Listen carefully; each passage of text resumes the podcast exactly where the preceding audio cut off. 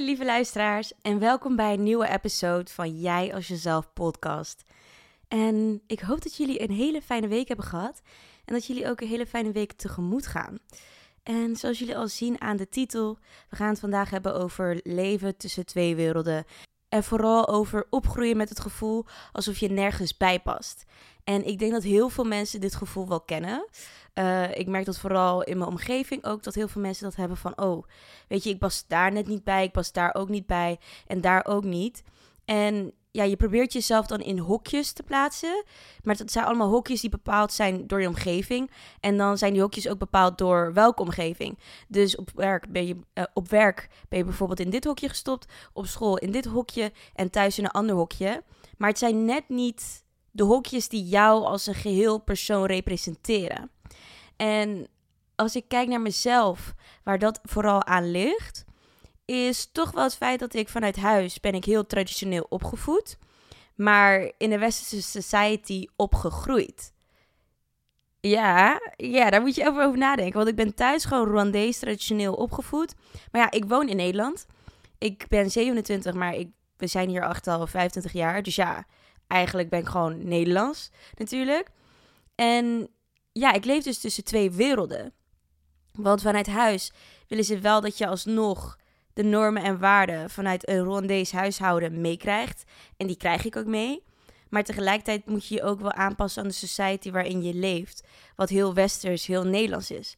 En ik heb dit eigenlijk nooit als obstakel, probleem of juist een voordeel gezien. We eigenlijk gewoon nooit daar iets over nagedacht. Dat eigenlijk een paar jaar geleden, dat ik toch wel merkte van, oeh, I'm the black sheep of the family.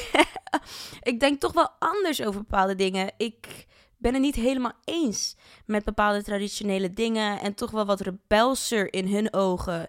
Terwijl misschien in de westers oog dat niet per se zo is. En toch wel, ja, dingen anders zien. Mijn ouders bevragen over waarom zij bepaalde dingen zo zien. En waarom ze zo denken over dingen.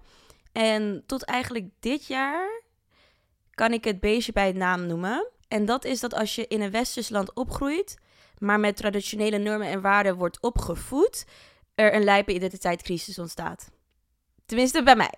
Bij mij ontstaat er een lijpe identiteitscrisis. Want het is zo van, wat moet ik doen? En ik had het hier over laatst met uh, mijn mentor. En uh, het is een creatieve mentor die ik heb. Ik heb trouwens best wel veel mentors in mijn leven, heb ik het gevoel. Dat is dan een creatieve mentor. Ik heb ook een mentor voor, ja, hoe ik alles moet doen binnen deze society. En dat is dan gewoon mijn tante. en um, ik raad het aan om een mentor te hebben. Het is echt heel fijn.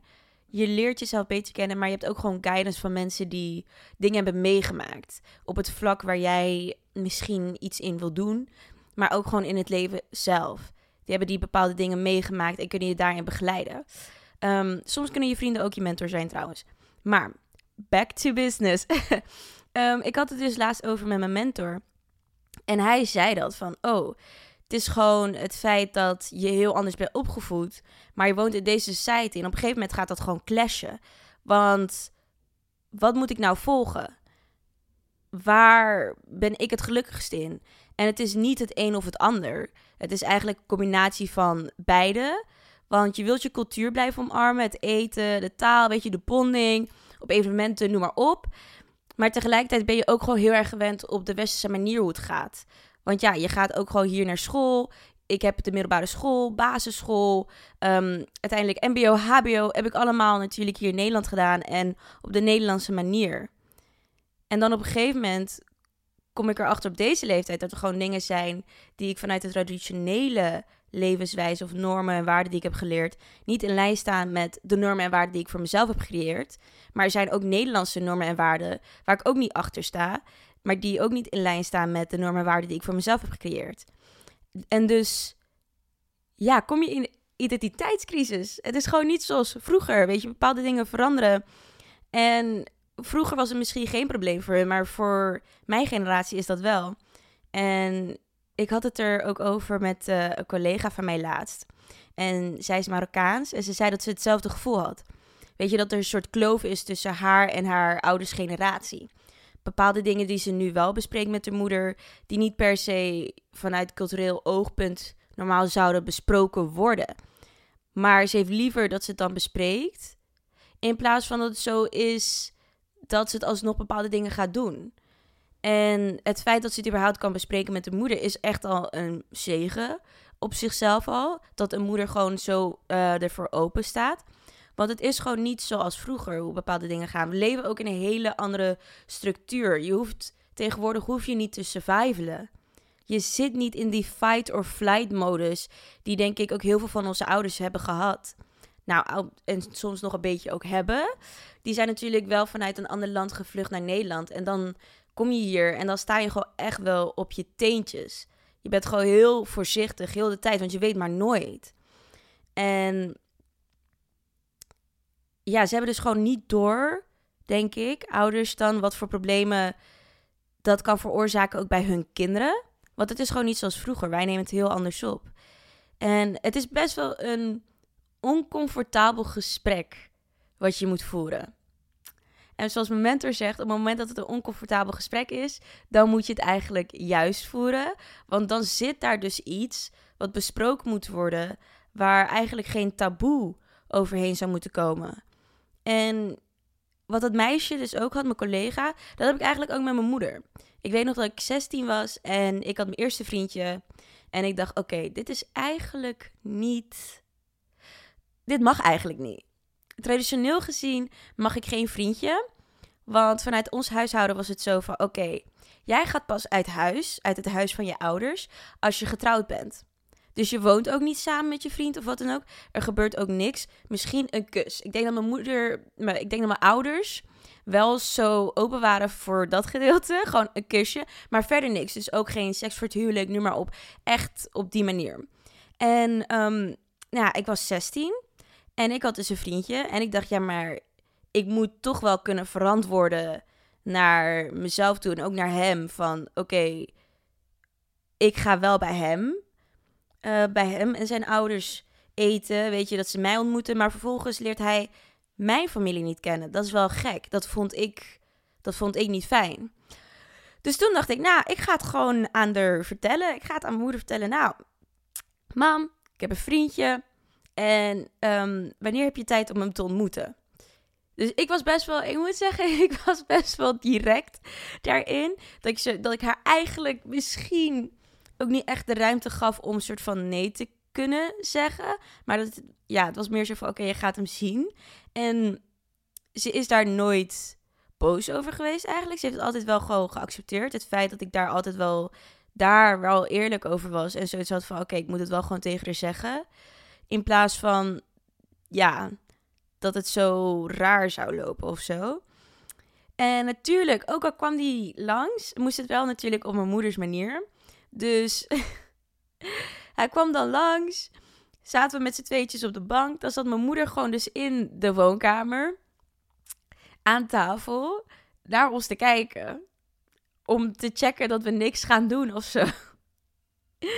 Wat nu achteraf echt zo grappig is. Maar in dat moment is het gewoon heel awkward en heel anders dan als ik bijvoorbeeld naar hem toe ging. Dat was het totaal niet zo. We hadden gewoon de privacy. We konden gewoon lekker met elkaar praten. Noem maar op. En bij mijn moeder was het gewoon echt.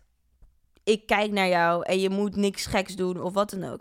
En het is een vorm van natuurlijk je kind ook gewoon beschermen. Maar nu dat ik er zo over nadenk, we hebben nooit dat gesprek gehad van: oh, waarom is dat dan? Waarom denk jij er zo over? Waarom is dat niet netjes? Of weet je, die waarom-vraag, daar hebben we het eigenlijk nooit over gehad. En het was gewoon, zolang ik daar eerlijk over was, was het eigenlijk wel goed. Maar ze heeft nooit echt de mening erover geuit van of ze het nou wel fijn vindt of niet fijn. Maar ze accepteerde het wel. En zo zijn natuurlijk heel veel andere dingetjes in, ja, tussen die kloof van traditioneel opgevoed worden, maar, eh, maar westers opgroeien, zijn er, ja, net zoals uit huis gaan ik ben best wel vroeg uit huis gegaan. Ik was 17,5 toen ik uit huis ging. Um, ja, vonden ze niet leuk. Ik kon het wel zo inpakken dat het ook was voor mijn opleiding. Maar tegelijkertijd wisten ze ook van oké, maar ze heeft gewoon een eigen ruimte nodig. Nou, dat is ook niet echt iets wat normaal is. Binnen onze uh, traditionele cultuur is het zo dat je gewoon thuis blijft totdat je gaat trouwen. Dus ook, ook al ga je studeren, je blijft gewoon thuis wonen. Dus ik had rustig nu nog steeds thuis kunnen wonen, omdat ik nog steeds niet getrouwd ben. Had ik nu nog steeds thuis kunnen wonen en pas als ik getrouwd ben uit huis. En dat is iets waar ik, ik in mijn hoofd kan daar gewoon niet bij. Ik kan daar gewoon niet bij dat je dan tot die leeftijd nog steeds eigenlijk als hun kind behandeld wordt en gezien wordt. En je bent nog steeds natuurlijk hun kind. Dat neemt daar niks weg van. Maar dat je ook nog eens als een kind behandeld wordt. Terwijl je bent gewoon nu echt wel een volwassene. Die de eigen keuzes kan maken. Die voor zichzelf kan bepalen wat goed of fout is. Maar op het moment dat ik thuis zou zijn gebleven. Dan zou ik natuurlijk nog steeds zo behandeld worden. Want ja, ik woon wel onder hun dak. En bij die gedachte, dan voelt het best wel alsof. Ja, je bent echt een eigendom van hun. Dan ben je controleerbaar of zo. En op het moment dat jij weggaat, dan is die controller er niet over. En dan ga je je toch wel afvragen van, oh, oké, zo gaat het dus op de Rwandese manier. En zo gaat het op de westerse manier. Maar er zijn allebei dingen die je niet leuk vinden. En dan ga je ineens allemaal juist het uiterste van allebei even opzoeken. Heel erg westers gaan. In heel veel dingen juist heel vrij zijn. En zo vrij dat je op een gegeven moment gewoon denkt van... Hmm, is dit wel het vrij zijn wat ik wil? Want er zijn wel bepaalde dingen ook weer in het traditionele wat ik wel heel fijn vind. En dat is natuurlijk wel gewoon die familiebonding, dat dat altijd blijft. Want ik heb het gevoel alsof in het westers het toch wel heel veel ik, ik, ik soms kan zijn. En juist bij traditionele huishoudens, in de zin van ja, Afrikaans of Marokkaans, noem maar op, niet westers, is het wel toch familie is heel belangrijk. En dat vind ik ook gewoon heel belangrijk. En dat dat wel gewoon één blijft. En ja, dat wou ik even voor deze podcast met jullie delen. Dit was een korte podcast, omdat ik hier namelijk veel meer gesprekken over wil hebben. Over de kloof tussen de twee generaties.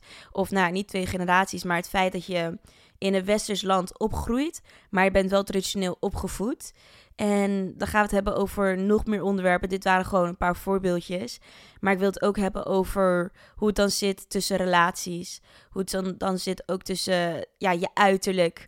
Want dat is natuurlijk ook heel anders. En ik wil het ook hebben over carrière-wise. En um, ja, let me know als je hier ook meer over wilt weten. Want dan ga ik er natuurlijk nog meer, nog meer over vertellen en nog meer voor over voorbereiden. Want ik denk dat dit eigenlijk hetgene is wat ik heel erg mis in heel veel podcasts die online staan. Het is namelijk heel weinig gesprekken over wat voor identiteitscrisis je doorgaat. Op het moment dat je eigenlijk als kind van immigrantenouders naar Nederland komt en eigenlijk leeft tussen twee culturen. Het is er gewoon niet. En vanuit het oogpunt van juist iemand die immigranten heeft ja, dit zijn wel gewoon interessante en goede gesprekken om over te hebben. Want ik denk dat daardoor heel veel, heel veel gesprekken ook geopend kunnen worden. En ook heel veel begrip tussen twee generaties kan ontstaan. En ook daarin ook heel veel heling. Ehm, dus ja, let me know. Slide in de DM's op TikTok of op Insta. You know the drill. En ik spreek jullie volgende week. Doei!